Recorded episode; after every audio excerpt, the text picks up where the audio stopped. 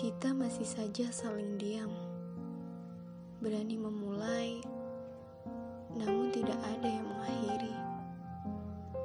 Kamu bungkam dengan kediamanmu, serta aku hanyalah seorang perempuan yang bersifat pemalu.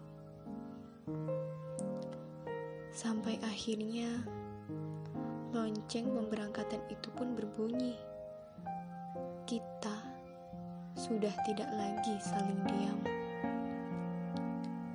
Sepasang tangan kita sudah diikat oleh dua jemari tangan yang saling menggenggam.